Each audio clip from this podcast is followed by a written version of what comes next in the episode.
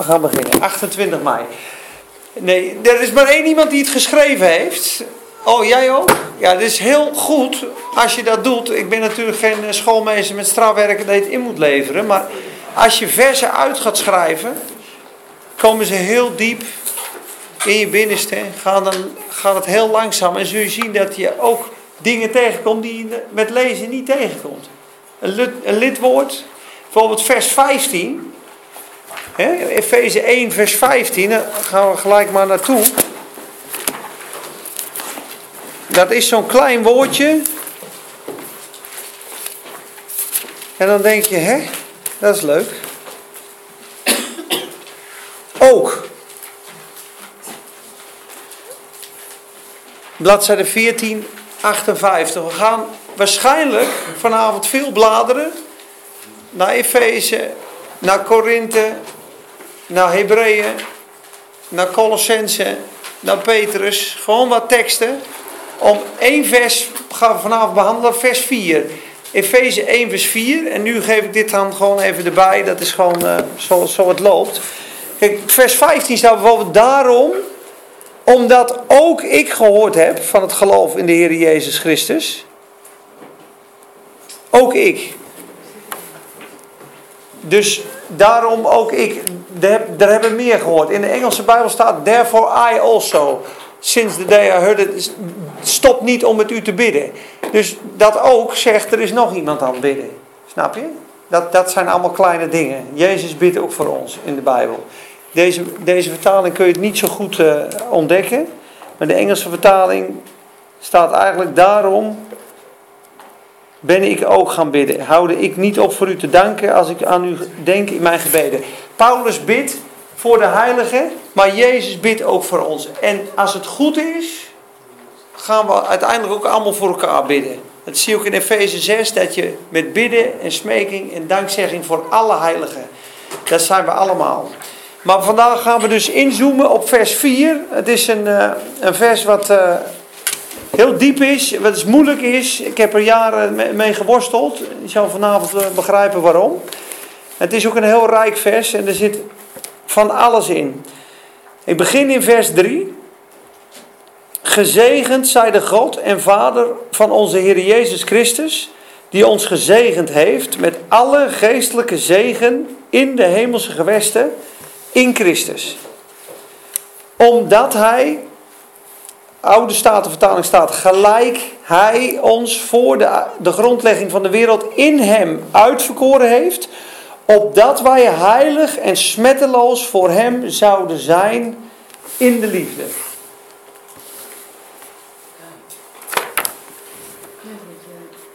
Zo. Nou, ik heb hem, moet je eventjes, die twee lezen. En ik heb hem in, acht, in zes vertalingen staan. En dan gaan we hem gewoon helemaal inzoomen. Omdat hij ons voor de grondlegging van de wereld in hem uitverkoren heeft. Opdat wij heilig en smetteloos voor hem zouden zijn in de liefde. Goedenavond Patrick. Dat is de herziende statenvertaling. De Naardense statenvertaling die, de Naderse vertaling heeft, ja, in hem heeft hij ons uitverkoren, al voor de grondlegging der wereld, om geheiligd en gereinigd voor hem te staan. En de volgende. Dit is de New International Version, die heb ik gewoon vertaald. Want hij heeft ons uitverkoren in hem, voor de schepping van de wereld, om heilig en onberispelijk in zijn ogen te zijn. New Living Translation. Zelfs voordat hij de wereld maakte, heeft God ons lief gehad en ons in Christus uitgekozen. Om heilig te zijn en zonder schuld in zijn ogen. Eerste woord van vers 4 in de Statenvertaling staat: gelijk hij ons uitverkoren heeft. En dit is eventjes belangrijk. Er staat in vers 3: Hij heeft ons gezegend met alle zegening in de hemelse gewesten. Um, kan je eentje, eentje voor, vooruit? Ja. Even kijken hoor. Uh, blessed with all spiritual blessing. Even kijken hoor. Oh nee, sorry, eentje terug. En dan gaan we daarna gewoon uh, op, de, op de automatische piloot. Nee, gelijk hij ons uitverkoren heeft, dat eerste woord in vers 4, dat staat in het Engels according as he had chosen. Dat is heel belangrijk, want dat woord betekent in verhouding staande tot, in de mate van. Dus eigenlijk staat er in vers 4: we zijn gezegend met alle geestelijke zegeningen in de hemelse gewesten. In die mate heeft Hij ons gekozen. Met andere woorden, God wil zeggen: ik, ik, ik heb mijn zoon gegeven, ik heb je zo ontzettend lief en zo ontzettend veel gegeven. Hij, die zijn eigen zoon niet gespaard heeft, maar met hem alle dingen geschonken. Dan staat er: in die mate in die kracht, in die hoeveelheid heeft hij ons uitgekozen. Dat vind ik mooi van dat vers. Dus het kiezen van God, wij zijn zo gewild, dat, dat, dat is in de mate van, van zijn grootheid. Nou, dan kunnen we naar de volgende pagina. En ik heb ze trouwens hier ook. Um, Even een paar punten eruit halen, ja. En dan ga ik een vraag stellen. Uh, alle zegeningen is het maximale wat God kon geven.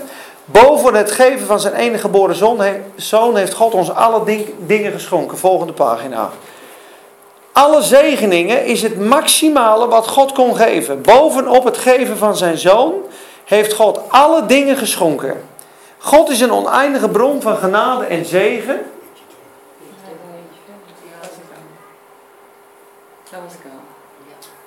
Oh, sorry. Ja. Een oneindige bron van genade en zegen. En in die maximale uh, mate heeft God ons gewild, geliefd en gekozen. Nou, dat, dat hebben we gehad. Nu een vraag. Hè. Er staat, God heeft ons uitgekozen in hem voor de grondlegging der wereld, opdat wij zouden zijn heilig, onberispelijk en smetteloos in zijn ogen. In zijn tegenwoordigheid. Is dat nu of is dat straks? Ik vind, ik, ik snap één ding niet. Voor de grondlegging van de wereld.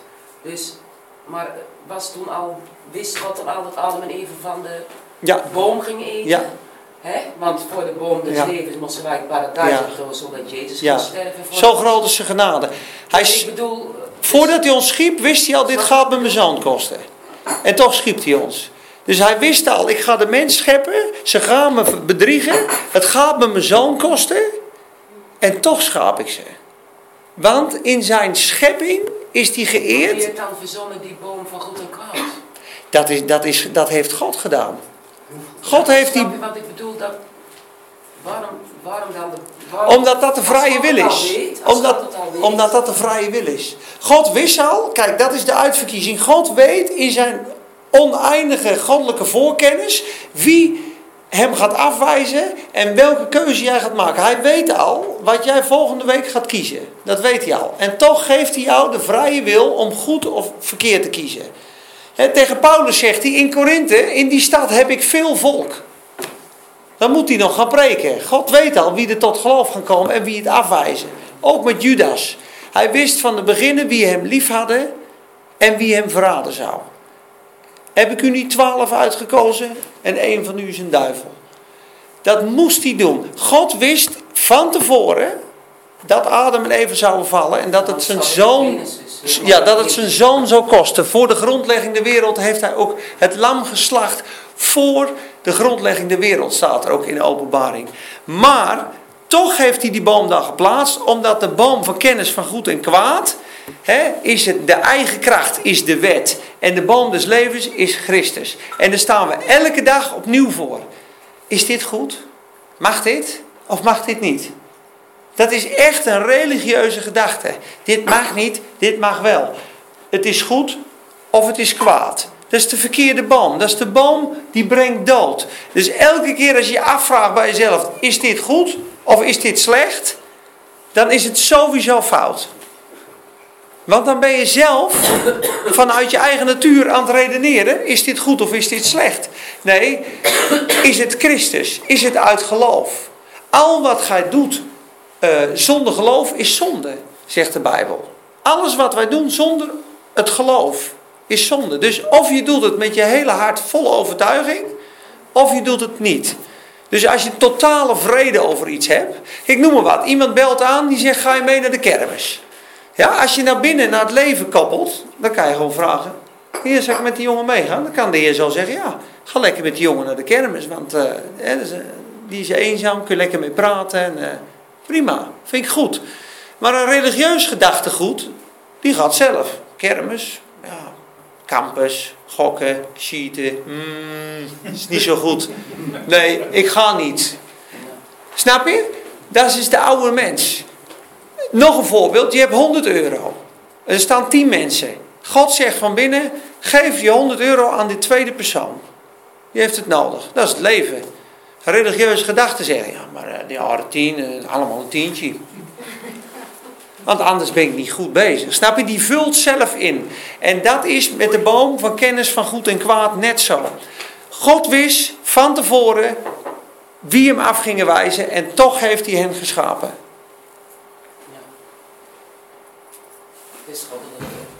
Dat is ook heel bijzonder, want in zijn uh, schepping is hij geëerd, maar door zijn verlossing is hij nog veel meer geëerd. En God, eh, Hein Posma zei vroeger: God komt altijd aan zijn eer en aan zijn glorie.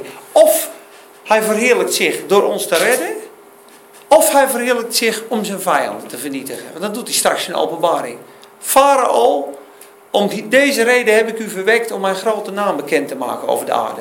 God verhardde het hart van Farao, staat er toch? Maar als je goed doorleest, staat er: En Farao verhardde zijn hart. God en Farao had zijn eigen keuze. En op een gegeven moment verhardt God het. En, maar God wist het al. Snap je? God wist het al, dus hij zei tegen Mozes, hij gaat niet luisteren. Tegen Ezekiel, nog een voorbeeld. Uh, ze gaan uw prediking niet aannemen. U, wat je ook gaat zeggen, ze gaan niet luisteren. Maar, opdat ik dan een rechtmatige grond heb om ze te oordelen, stuur ik je. Want dan is het afgewezen. Zelf afgewezen.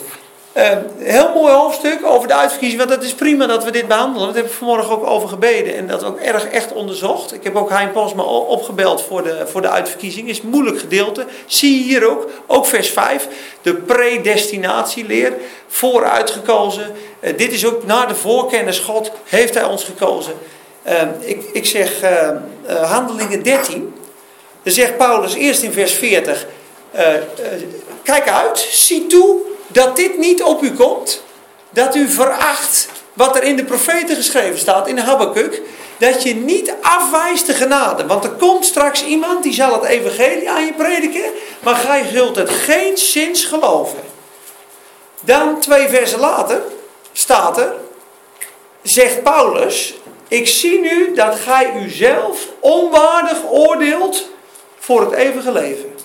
U oordeelt uzelf onwaardig voor het eeuwige leven door het af te wijzen. Dan in vers 48 staat: Zoveel als er opgetekend waren tot eeuwige leven, zoveel geloofden. Dan denk je, nou dat is uitverkiezing. Zoveel als er bestemd waren tot het eeuwige leven, zoveel geloofden er. Nou, dat lijkt op uitverkiezing. Maar als je het stuk goed leest, is er de uitnodiging van God die ligt klaar. Maar zij wijzen het af. Ze oordelen zichzelf onwaardig. En God, in zijn goddelijke wijsheid, wist dat eigenlijk ook al. En wat staat dat precies? Dat staat in Handelingen 13, vers 40 tot 48. Dus de uitverkiezing, Romeinen 9, is heel moeilijk. Uh, maar het is absoluut zo dat God wil dat iedereen zalig wordt. 1 Timotheus 2. God wil dat iedereen zalig wordt. Ik, uh, het, toch blijft een beetje Jezaja 26 vers 10 uh, blijft uh, voor mij hangen, zeg maar. Waar ik onderlaatst uh, een berichtje over had. Ja. Dat is dat alle ongelovigen, dat staat dan, dat al in de markt dat alle ongelovigen ook in aanmerking komen voor Gods grotere naam. Tuurlijk. Tuurlijk. Dus, ja, Iedereen. Ja. Iedereen. die uitverkoren. Nee, nee, ja, we zijn, we zijn uitverkoren in Hem. Maar Hij heeft ons allemaal uitgenodigd. Snap je? Velen zijn geroepen, zeg weinigen zijn uitverkoren, staat op een gegeven moment. Maar weet je, als God nou iedereen uitnodigt. En, en, en de wijzen van, de, van de 3 miljard wijzen het een half miljard af. Ja? Dan weet God, voordat hij hun schiep, wist hij dat al. Maar toch schaapt hij ze. En toch staat er dan op een gegeven moment in Romeinen, waar, waar jullie zeggen dan tegen God, wie heeft dan zijn wil wederstaan? Want uh, het is niet wie wil, uh, wie kiest wie rent, maar God die barmhartig is. Dus uh, als hij dat al weet, dan is God lekker onrechtvaardig. En dan staat er, maar God, en dat las ik dus vanmiddag, voordat wij geschapen zijn, voordat we geschapen zijn, heeft hij ons al uitgekozen. Dus hij moest ons nog maken Toen had hij ons al gekozen. En in zijn wijsheid weet hij dus, deze gaat mij afwijzen. Maar wat doet hij dan in zijn wijsheid? Als hij me dan toch afwijst, dan maak ik dit een vat die tot doelstelling komt. Dit is een farao die mij gaat afwijzen. Die zal ik zo maken dat hij verhardt. Waardoor ik mijn naam bekend kan maken op de aarde. Dus dan gebruikt God zijn vijanden om tot zijn doel te komen.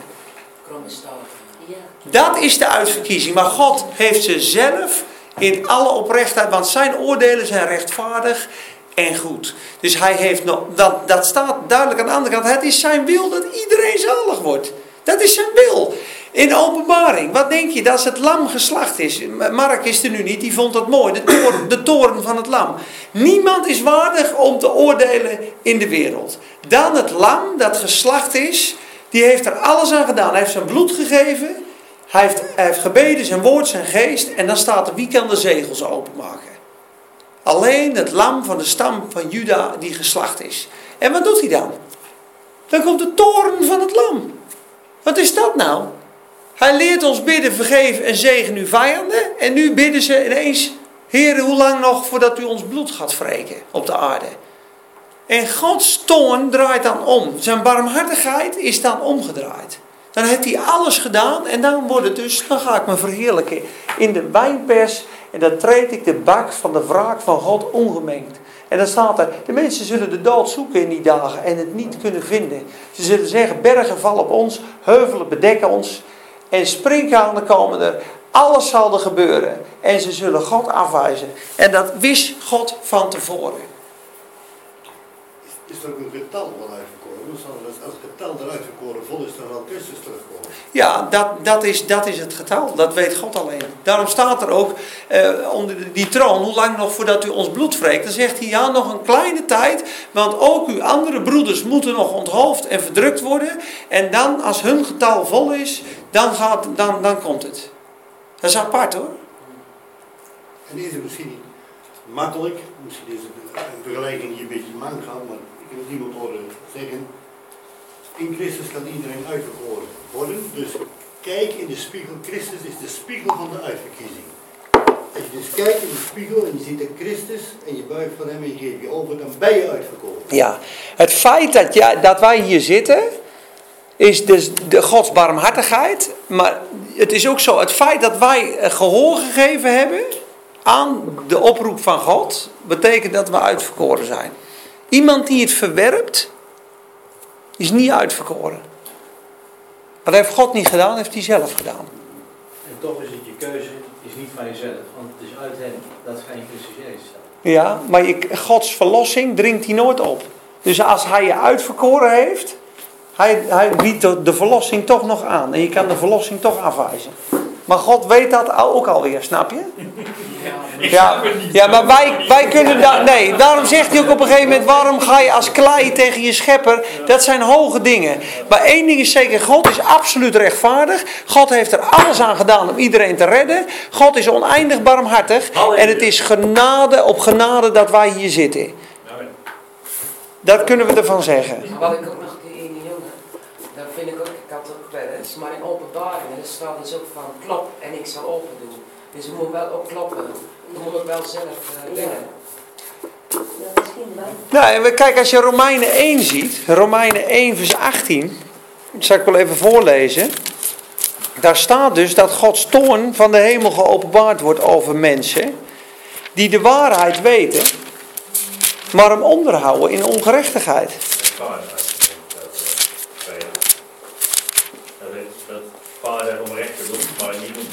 Ja, er was op een gegeven moment iemand die stond bij een loket. En die moest iemand uit de gevangenis halen. En het pasje van diegene lag hier. En het glas lag daar. En hij zag het pasje liggen, was van asielzoeker. En hij zegt, uh, mag ik dat pasje hebben? En die vrouw drukt zo het pasje zo weg. We hebben geen pasje. Daar is hij een kwartier blijven staan met een rij van twintig mensen. Innerlijk vertoornd. En toen gaf ze het uiteindelijk. Dat is, je weet de waarheid. Je wijst het af. Onder ongerechtigheid. Dat is precies wat hier staat. Vers 18. Want de toren van God wordt geopenbaard vanuit de hemel over alle goddeloosheid en ongerechtigheid van de mensen. Dat zijn wij allemaal. Maar nu gaat het verder. Die de waarheid in, in ongerechtigheid onderdrukken. Ze weten het. En daarom staat er ook, want wat van, hun, van God gekend kan worden, is hun bekend. God zelf heeft het hun immers geopenbaard. Want de dingen van hem zijn onzichtbaar en worden sinds de schepping van de wereld uit zijn werken gekend en doorzien. Zijn eeuwige kracht en zijn goddelijkheid, zodat zij niet te verontschuldigen zijn. Dus hier staat duidelijk dat mensen die de waarheid weten, het onderhouden in ongerechtigheid, zelf de toorn van God over hun afroepen. Hoe het dan met als je bijvoorbeeld uh, ongelovige vriend hebt en je wil daarvoor bidden, maar die... Nou, die weten de waarheid dan niet. Nee, maar als je dan uh, daarvoor wil bidden, uh, dan zie je ook wel dat mensen tot geloof komen. Tuurlijk. Maar als God al weet dat die nooit zullen... Ja, maar wij moeten gewoon getuigen. Dat is niet onze taak. Want Jezus zegt, voor de een is de geur ten leven, voor de ander ten dode. Als u niet ontvangen, schud het stof van uw voeten, ga door. De moordenaar rechts is ook niet gered. Daar hing Jezus zelf. Hij heeft niet gepreekt. Hij heeft alleen maar voor ze gebeden. En één is tot geloof gekomen. Dan zegt de uitverkiezing, ja, het geloven ze gaven van God. Hier wel, hier niet. Nee, ze hebben hem allebei uitgescholden. Maar in Lucas, een uurtje later, is er één die tot bekering en inkeer komt. Dat had die andere ook kunnen doen. Ja, daar had God ook al voor de tijd beslist dat hij Jacob lief had en Esau water. Ja, maar Esau heeft kansen genoeg gehad. En Esau heeft ook de zegen gehad, een kleinere zegen. Maar God wist al dat het zo zou geschieden. Maar dat zijn dingen, dat is, daar moet je verder niet te diep ingaan. Want dan krijg je dus uh, een hele koude, harde uitverkiezingsleer van. Of je probeert God te begrijpen. Je, je, moet, je moet het gewoon zo zien. Uh, het feit dat we in Hem zijn, is het, is het feit dat je uitverkoren bent. Dat is alleen maar als je tot geloof komt. Dan, dan ben je uitverkoren. En God wil dat iedereen zalig wordt. En, en klop op de deur, misschien dat je bij God is het wel 100%. Maar God verwacht voor ons 100%. Ja, ja. Hij nodigt uit en wij kunnen het afwijzen of aanvaarden. Ja, precies. Maar zoveel van ons. We zijn misschien twee kinderen of tien kinderen. We houden van alle tien evenveel. Maar de ene die afwijst, kunnen we niks aan doen. Want later dan nog willen, kom nog terug. Die liefde is natuurlijk wel heel groot. Voor al je kinderen. Ja.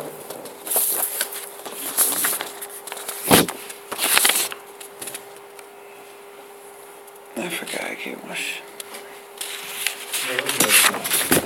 Ja, maar dat maakt ook helemaal niet uit.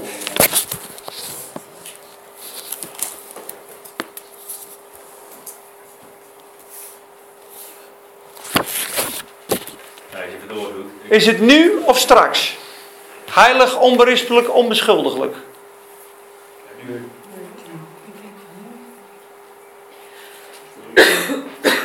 Jezus is toch al aan het kruis geweest? Ja. Is het nu of straks? Ja, ik denk dat het. Uh, kijk, denk, je leven bestaat uit, uit drie fases, zeg maar, of drie onderdelen: geest, ziel en lichaam. En op het moment dat je geest opnieuw geboren wordt, dan is dat stukje van je geest, dat is dan smetteloos en heilig en onberispelijk. En uh, je ziel, zeg maar, dat heeft Peter ook eens uitgelegd. Dat is de tweede fase, denk ik. En uiteindelijk krijg je dat je, lichaam, dat je een nieuw lichaam krijgt en dan komt dat smetteloos voor God te staan. Is dat het Ja, het is allebei. We zijn aanvaard als kinderen en toch moeten we nog door een proces van heiligmaking. Want kijk maar in Efeze 5, bij de bruid. Wat moet er allemaal gebeuren met die bruid?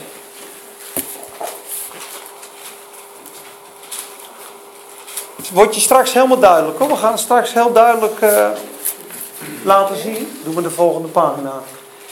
Vers 27. Vers 26. Vers 25 beginnen we. Vers 25. Mannen, heb uw eigen vrouw lief. Zoals ook Christus de gemeente lief gehad heeft en zich voor haar heeft overgegeven. Opdat hij haar zou heiligen Door haar te reinigen met het waterbad van het woord. Dat kan hij niet aan het kruis doen. Dat is niet aan een zondaar. Dus wij worden gered. We zijn heilig, vergeven, onberispelijk. We zijn kinderen van God.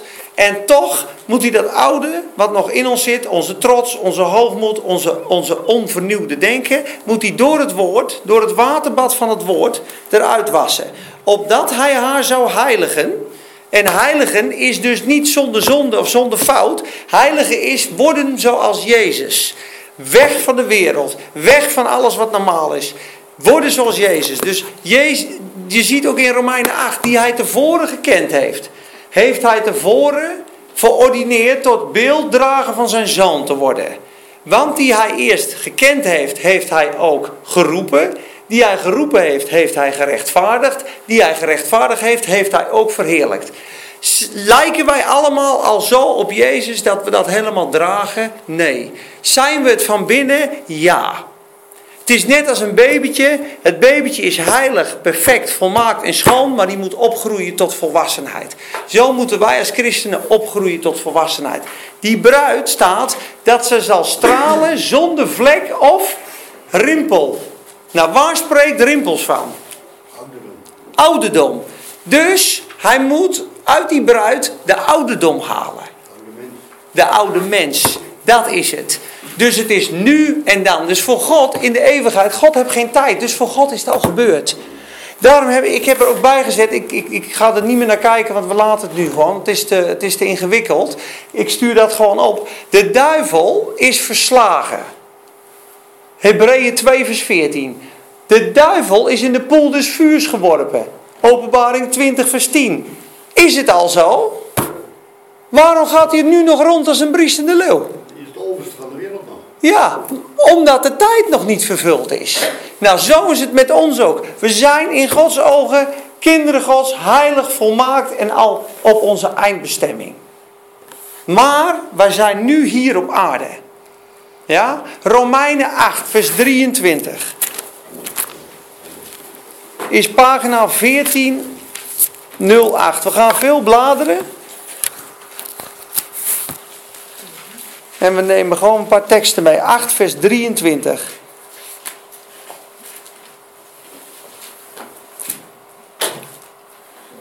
Ik begin in 22. Iedereen is er?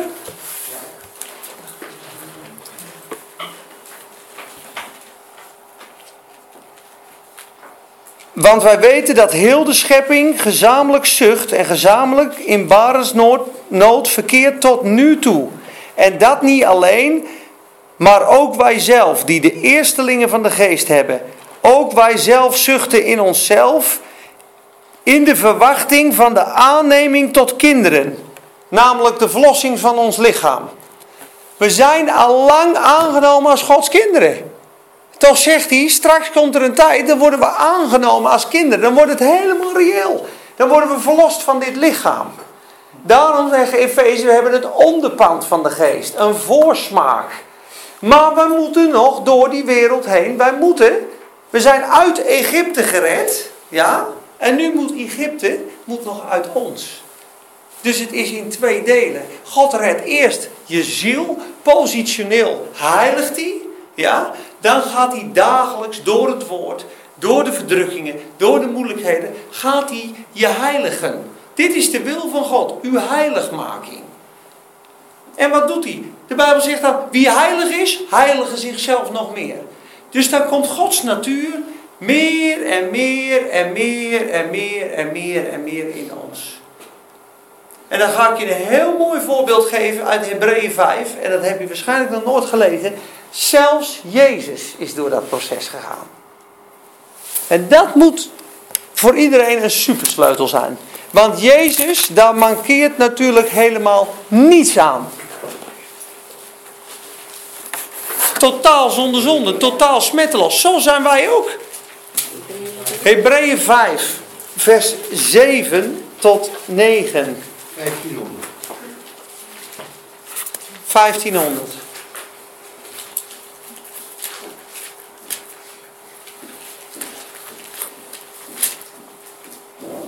Gewoon lekker bladeren allemaal, dat is ook mooi. Moet je kijken, Jezus In de dagen, vers 7, dat hij op aarde was, heeft hij met luid geroep en onder tranen gebeden en smeekbeden geofferd aan hem die hem uit de dood kon verlossen en is uit de angst verhoord. Hoewel hij de zoon was, heeft hij toch gehoorzaamheid geleerd uit wat hij heeft geleden. En toen hij volmaakt was geworden, was hij nog niet volmaakt? Jawel. Waarom moest hij dan volmaakt worden? Ik weet niet of dat zo bedoeld wordt. Ja, dat wordt wel zo bedoeld. Ga maar twee bladzijden terug. Hebreeën 2 vers 10. Beginnende 10 en 11. Moest kijken zo duidelijk. 10 en 11. Dit is Gods plan. Hebreeën 2 vers 10. Want het paste hem, God, Jezus, om wie alle dingen zijn en door wie alle dingen zijn, dat hij, om veel kinderen tot heerlijkheid te brengen, de leidsman van hun zaligheid door lijden zou heiligen. Wees wat? Immers, zowel hij die heiligt als zij die geheiligd worden, zijn allemaal uiteen, uit God. Daarom schaamt hij zich niet om broeders genaamd te worden. Dus hij zegt, hoewel Jezus de zoon was, heeft hij door wat hij moest lijden, gehoorzaamheid geleerd. En hij is volmaakt geworden. Waarin? Volmaakt in de wil van God. Dat is stap 2. Dus wij zijn volmaakt in onze natuur, net als Jezus. Niks mis met jou. Heilig, onberispelijk en smetteloos. Maar wat staan we straks daar? Dat wij heilig en onberispelijk en zonder fout in juichende glorie voor zijn troon gaan. Dat is stap 2. Dan ben je ook volmaakt geworden in de wil van God. En dat gaat door lijden heen. En daar moest Jezus ook doorheen. Daarom is hij de overste leidsman van onze zaligheid. Dus hij is de eerste geweest om vele zonden tot heerlijkheid te leiden. Jezus is Gods eerstgeboren zoon. Hè? Hij is zijn enige geboren zoon gegeven. Waarom staat er aan de Colossense? Opdat hij de eerstgeboren uit de doden zou zijn. Omdat Jezus door de dood gestorven is. Hij is helemaal dood geweest en hij is door God opgewekt. Snap je? Jezus was dood. Hij is tot zonde gemaakt. Dus hij is herschapen. Snap je? Hij is, hij is tot zonde geworden. Hij is dood. En zie, ik leef voor altijd. En wij zijn nu samen met Jezus. Is dat niet naar zijn menselijke natuur? Ja. Maar hij is nu een Godmens. Ja. Maar voordat Jezus aan het kruis was en hoe hij nu in de hemel is, is een andere Jezus. Want die was door het kruis heen gegaan. En daarom was Jezus aan, aan, door tranen en luidgeroep was hij, eh, moest hij door het, door het kruis heen. En werd hij, uh, is, hij, is hij daardoor is hij geheiligd. Ja, want hij zegt ook als je op de aarde aanstaan de discipelen, of Maria raakt me niet aan, want ik ben heilig. Ja, ik ben nog niet verheerlijk. Maar wist je dat hij één dag, wist je dat hij heen en weer geweest is? Ja, ja. Die op de dag van de opstanding zegt hij op een gegeven moment komt Maria aan tegen. Zegt hij raak me nog niet aan, want ik ben nog niet verheerlijkt. Ja, en daarna in een andere evangelie vallen ze hem aan zijn voeten. En raken ze hem wel aan. Maar in, in Leviticus is de eerste vrucht, de eerstelingen, gingen gelijk naar de schuur. Hij is na dat graf omhoog gegaan naar God toe en toen is hij weer teruggekomen. Daarom zegt hij, ik ben nog niet verheerlijkt. Hij is eerst bij God geweest. En daarna is hij teruggekomen op die 40 dagen. En dan is hij openlijk weer gegaan. Dat is een geheim. Ja. Ja. Ja. Waar, waar kun je dat nog meer terugvinden in de Bijbel? Wat op de eerste link dan? In Leviticus. Leviticus, ja, 20, 23, daar, daar staat dat. Ja, nee. Dat, dat... Ja, ja, maar de eerstelingen gingen rechtstreeks naar God. Dat is ook met de tiende. Het eerste, de eerstelingen, daar eer je God mee. Dan zeg je eigenlijk alles is van u. En daar is Melchizedek en uh, Isaac, die geven ook tiende. En als je één ding van de wet breekt, heb je alle tien overtreden. Met andere woorden, uh, Jezus als eersteling is rechtstreeks naar God gegaan en is toen weer teruggekomen. Maar het is een bijzonder vers, hè? Dat hoewel hij de zoon was, heeft hij toch gehoorzaamheid geleerd uit wat hij heeft geleden. Dus wij moeten gehoorzaamheid leren. Zegent uw vijanden Doe goed aan die u haten. Bid voor wie u vervolgen. Dat is lijden. Dat moet je leren.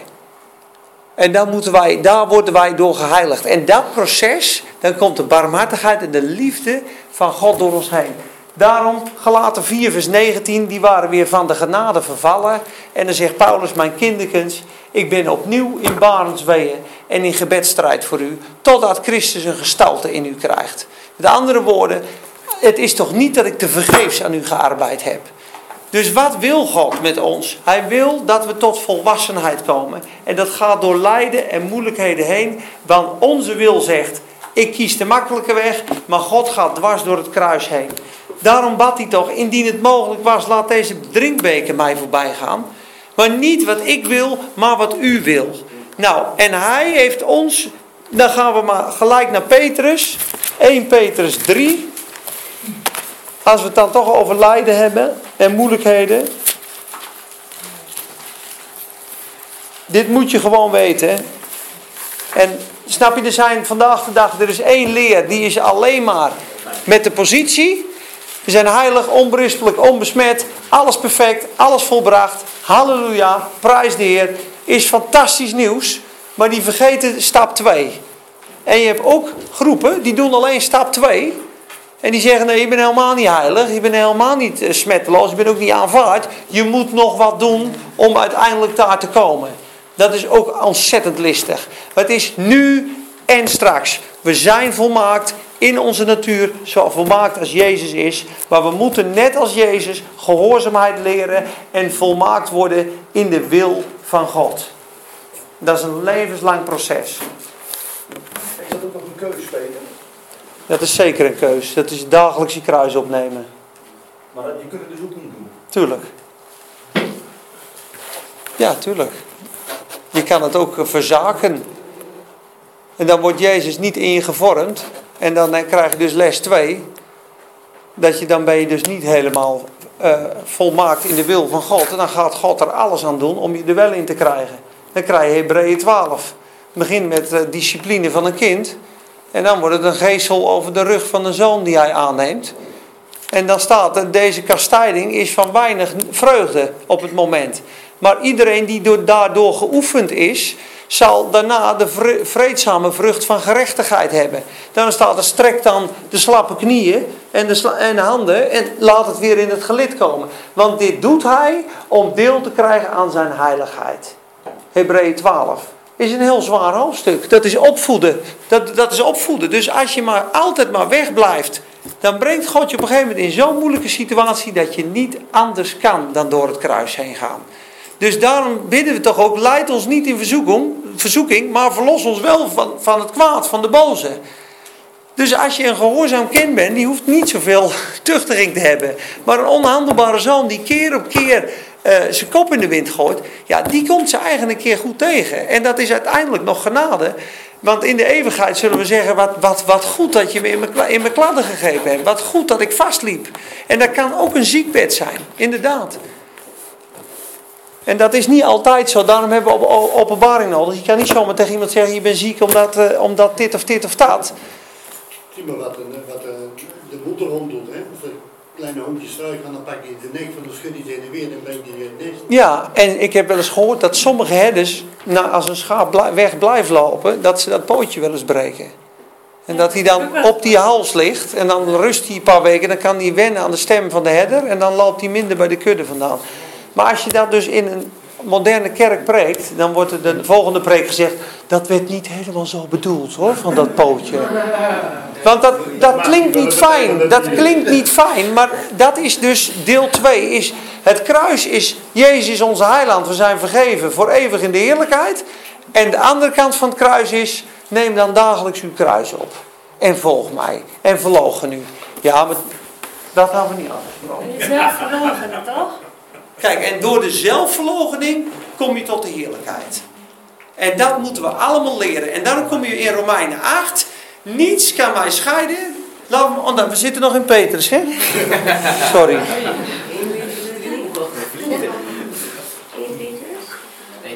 1 Petrus 3 vers 9. Hele mooie.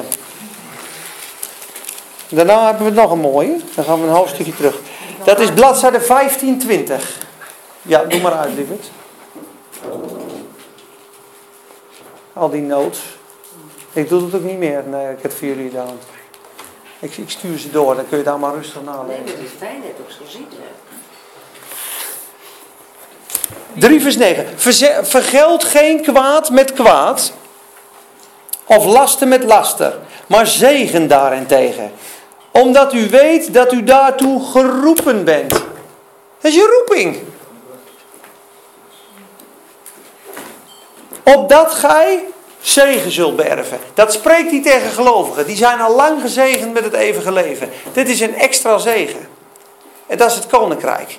Zegend wie u vervloeken. Hiertoe zijt gij geroepen.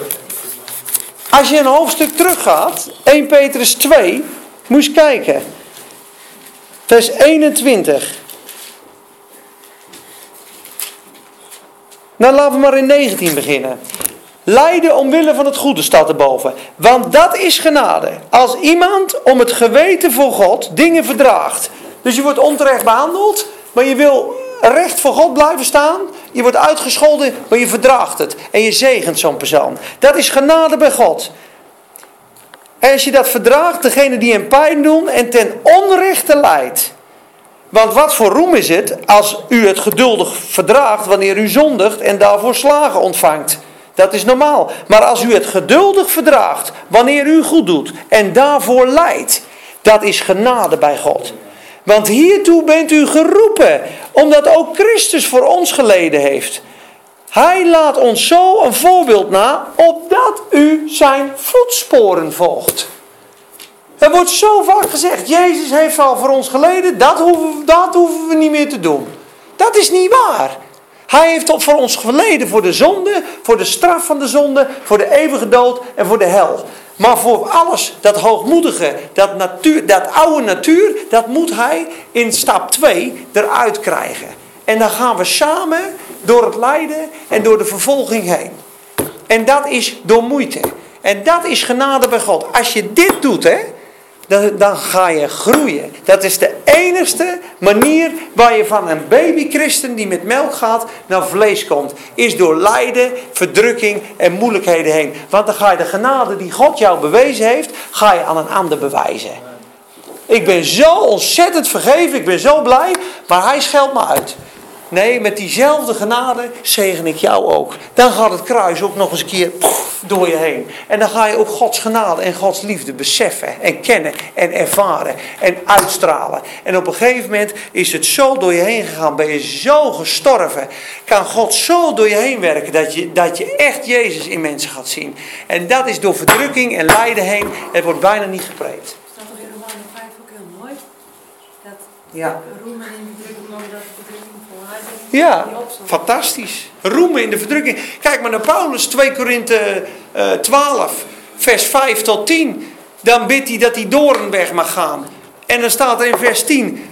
Nu ik dit ontdekt heb, God heeft gezegd, als, als ik zwak ben, ben ik sterk. Dat mijn kracht op u rust, op u woont. Dus niet, ik, ik, ik leef een keertje in zijn tegenwoordigheid, de Heilige Geest is bij me. Nee, mijn kracht rust en woont op u in zwakheid. Dan staat, daarom heb ik een welbehagen in noden en vervolgingen en smaadheden en, en lasterijen. Want als ik zwak ben, ben ik sterk. Man, ik ben blij dat ik dat vervolging heb. Dat was Paulus zijn, zijn, zijn uh, openbaring. Want onze zeer lichte verdrukking, die snel voorbij gaat, werkt voor ons een gans zeer uitnemend eeuwig gewicht van heerlijkheid. Daar wij aanschouwen de dingen die wij niet zien. Eh, want de dingen die wij zien zijn tijdelijk en die wij niet zien zijn eeuwig. Dat is het proces van heerlijkheid. Romeinen 8. Moet je eens opletten. Romeinen 8, vers 17. Ik wist ook niet dat we hierover gingen praten, want ik heb heel wat anders uh, voorbereid. Mevrouw zei vorige keer ook, ja, je, je hebt het over Efeze, maar je praat er allemaal andere dingen. Ik zeg, nou, het zij zo. Goed opletten, vers 17. De eerste deel van het vers hebben we al. Tweede deel moeten we verkrijgen. En dat wordt vaak als één stuk gelezen. Romeinen 8 vers 16 zegt eerst, als we de geest zelf getuigt met onze geest, 1408, dat wij kinderen God zijn. En als wij kinderen zijn, dat zijn we dus, zijn wij ook erfgenamen van God. Dat is één. Dit ben je absoluut. Ja, let op. En mede-erfgenamen van Christus, wanneer wij althans met Hem lijden. Opdat wij ook met Hem verheerlijkt worden. Dus de ene erfenis die God aan het kruis voor ons gegeven heeft, die hebben we. En de andere erfenis, dat je dus over de wereld en dat je duizend jaar met hem regeert en dat je in overwinning wandelt, is door lijden heen. Wij zullen, we zijn mede erfgenaam van Christus, indien gij ook met hem leidt. Want indien we met hem lijden, zullen we ook met hem verheerlijkt worden. Dan gaat hij verder. Want ik ben ervan overtuigd dat het lijden van deze tegenwoordige wereld niets opweegt tegen de heerlijkheid die in ons geopenbaard zal worden. Dus het lijden is een zegen. Filippenzen 1 vers 29. Het is u gegeven in de genade van God. Niet alleen om in hem te geloven, maar ook met hem te lijden. Dat had Paulus ontdekt.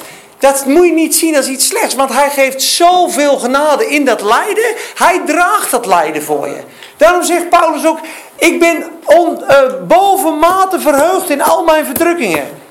Bovenmate verheugd in al mijn verdrukkingen. Dat was Paulus, hè? Handelingen 27. Ja, maar dit mag je leren.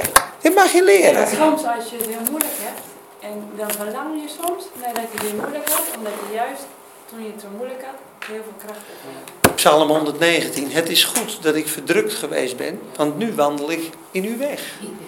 Voordat ik dwaalde, voordat ik verdrukt werd en getuchtigd werd door de Heer, dwaalde ik. Maar nu houd ik zijn geboden. Dat is, dat is, dit is wel uh, volwassen onderwijs, maar ik ga er niet omheen. Want je komt er toch tegen in je leven. ik heb het niet over lijden met allerlei straffen en ziekten. Ik heb het gewoon over vervolging vervolging, iemand roddelt over je. Tegenslag, uh, een ochtendhumeur. Uh, je geloof wordt beproefd. Matthäus, Ik geloof, ja? Matthäus 5, 11 staat. Zalig bent u als men u smaadt en vervolgt en door te liegen allerlei kwaad spreekt, tegen u spreekt, omwille van mij. Verblijd u, verblijd en verheug u, want uw loon is groot in de Loon, zie dat? Want zo hebben ze de profeten vervolgd die er voor u geweest zijn. Ja, prachtig. Romeinen 8, stukje verder. Let op. Mooi hoor. Wie zal ons scheiden van de liefde van Christus? Verdrukking, benauwdheid, vervolging, honger, naaktheid, gevaar, zwaard. Dat soort dingen maakte Paulus allemaal mee. Want Romeinen 8, vers 35, 1408, zelfde pagina. Een stukje verder. Sorry hoor. Vers 35. Dus wie zal ons scheiden van de liefde van Christus? Wat? Wie? Niemand. Verdrukking, benauwdheid, vervolging, honger, naaktheid. Het hij allemaal meegemaakt. Gevaar, zwaard. Want zoals geschreven staat, Psalm 44. Want om willen van u worden wij de hele dag gedood. We worden beschouwd als slachtschapen. Is gewoon Romeinen 8. Slaan ze heel vaak over. Maar wat staat erachter? Maar in dit alles zijn wij meer dan overwinnaars. Door hem die ons heeft liefgehad. Want ik ben verzekerd dat nog heden, nog toekomst, nog krachten, nog diepte, nog hoogte, nog engelen, nog machten kan mij scheiden van de liefde van Christus. Waarom moeten wij als slagschapen er doorheen gaan? Om van Peter de vleeselijke naar Peter de geestelijke te gaan. Om van Henk Jacob naar Henk Israël te gaan. Dat is het. En als je dat bereikt, dan ga je van glorie naar glorie naar glorie naar glorie. Dus dan ga je niet meer, 1 Petrus 4 vers 12, acht het u niet als, alsof u iets vreemds overkomt, broeders. Wanneer de vuurgloed der beproeving u overkomt. Iedereen front zijn wenkbrauwen. Uh, we binden het, we bestraffen het, het is een vloek. Ga weg ermee. Hè? Omdat je het niet herkent. De vuurgloed der beproeving, dat, maar verheugt u dat als u deel hebt aan zijn lijden, u straks u ook mag verheugen in zijn heerlijkheid. Want u zijt heilig en eh, eh, wees geprezen staat er, want de geest van de heerlijkheid en de genade en de glorie van God rust op u. Met andere woorden, als we dit niet snappen, blijf je altijd aan melkvoeding zitten. Zul je in elke situatie zeggen, waarom gebeurt dit? Als je dit gaat zien, ga je God danken voor moeilijkheden. Dan zeg je, dank u Heer, het is moeilijk, maar dit is de volgende uh, klas van heerlijkheid komt eraan. Ik prijs u en ik dank u. U heeft al deze verdrukkingen overwonnen. U kon Judas zijn voeten wassen, terwijl u wist dat u hij hem ging verloochenen. Hij stal uit de kas. U bent in mij. Voor u is, voor u is dit een makkie. Het is een makkie voor u. Ik prijs u. Ik prijs u. En dan heb je de overwinning. En dat deed Corrie ten Boom ook. Die ging voor de spiegel staan, die ging gewoon lachen. Dit probleem is te groot voor Jezus. Dit probleem is vast en zeker te groot voor de Zoon van God. en ze kwam er doorheen. En wat hebben ze niet gedaan in de, in de concentratiekampen? Hoe is ze niet gebruikt? Hoe is ze niet gezegend? Hoe is ze niet door dingen heen gegaan? Dat is wat we nu hierover praten. En dat kan door de kracht van de Heilige Geest die in je is. Maar als je het niet herkent, is het tijd? Ja, ik moet je aan de tijd houden? Of? Nou, we hebben geen zang, dus we kunnen doorgaan. Ik zou kijken of we nog wat uh, moeten doen. Deel krijgen als een heiligheid, fouten, zonderloos. Peter, ik heb nog een mooi verhaaltje van Corrie gekomen. Nou, je zult het al weten. Nee, het is goed zo. Ik was in Israël en uh, daar dus het Holocaust Museum, waar alle Joden die zeg en dus voor alle uh, christenen en mensen die geholpen hebben, hebben ze dus een boom geplant. En toen Corrie de boom stierf, stierf die boom ook daar. Och. En er staan dus allemaal bomen. En er staat dus ook een boom van Corrie de boom, maar die is gewoon ja, heel klein, wie er is. Ja. Bijzonder, gezien. Ja. Bijzonder. Ja, heel indrukwekkend, hè? Ja. ja, dat is heel ja. Maar we hebben dus over vers 4. En dan gaan we dus hierover praten. Dus Efeze is heel rijk. Maar ik, je kan wel allemaal andere dingen erbij gaan halen. Maar dan loopt het niet, dan floot het niet. Dat heb je in de gaten. Dan ben je met papiertjes en dan, dan kun je het beter loslaten. En we hebben ervoor gebeden. De regie is in Gods handen. En ik vind het helemaal geweldig. Ja. Het maakt niet uit. het, het maakt niet uit. Dit, weet je, als je dit wil leren, lees 1 Petrus. De brief van 1 Petrus, vooral vanaf hoofdstuk 2, 3 en 4, gaat alleen maar over lijden, moeilijkheden en vervolging. Het oordeel begint bij het huis Gods. En als het bij ons geschiet, waar zal dan de zondaar en de onrechtvaardige zijn? Wij denken aan dat dat nog in Noord-Korea en overal wordt. Iedereen die godzalig leeft, die zal vervolging kennen. Je, kent, je hebt de, keren zat om gefrustreerd te raken. Of op je werk. Je baas kan onterecht doen. Je kan door uh, collega's uitgelachen worden. Ik heb vandaag nog een berichtje gehad. Iemand die in een psychose zit door pesterijen. en op een gegeven moment. Uh, als je gaat zien dat door het lijden heen we gehoorzaam worden aan Gods wil. Want hij leert ons. Ja, wat voor, wat voor genade is het als je lief hebt wie ook u lief hebben? Dat doen de zondaar ook. Maar heb u vijanden lief? Daar begint het. Ja, we zijn blije christenen. Maar als je, vijanden, als je vijanden krijgt, God moet je vijanden geven in je leven. Anders kun je je vijanden niet eens zegenen. Heb je daar wel eens over nagedacht? Ja. Ja, maar als je alleen in feesten gaat maken, je moet schriftelijk je komt door die feesten, kom je Overal. links en rechts en schiet je alle kanten. Overal. Want anders ben je helemaal beperkt. Daarom staat het toch ook wie door het, ja, wie door het, wordt door het lijden heen gegaan, dan zal de kroon der heerlijkheid krijgen. Als je de glorie en het karakter en de heerlijkheid van God in je leven wil, nou, ga je dan maar verheugen in het lijden en de moeilijke dingen en de tegenslagen die je hebt. Weet je wat de oma altijd al zei?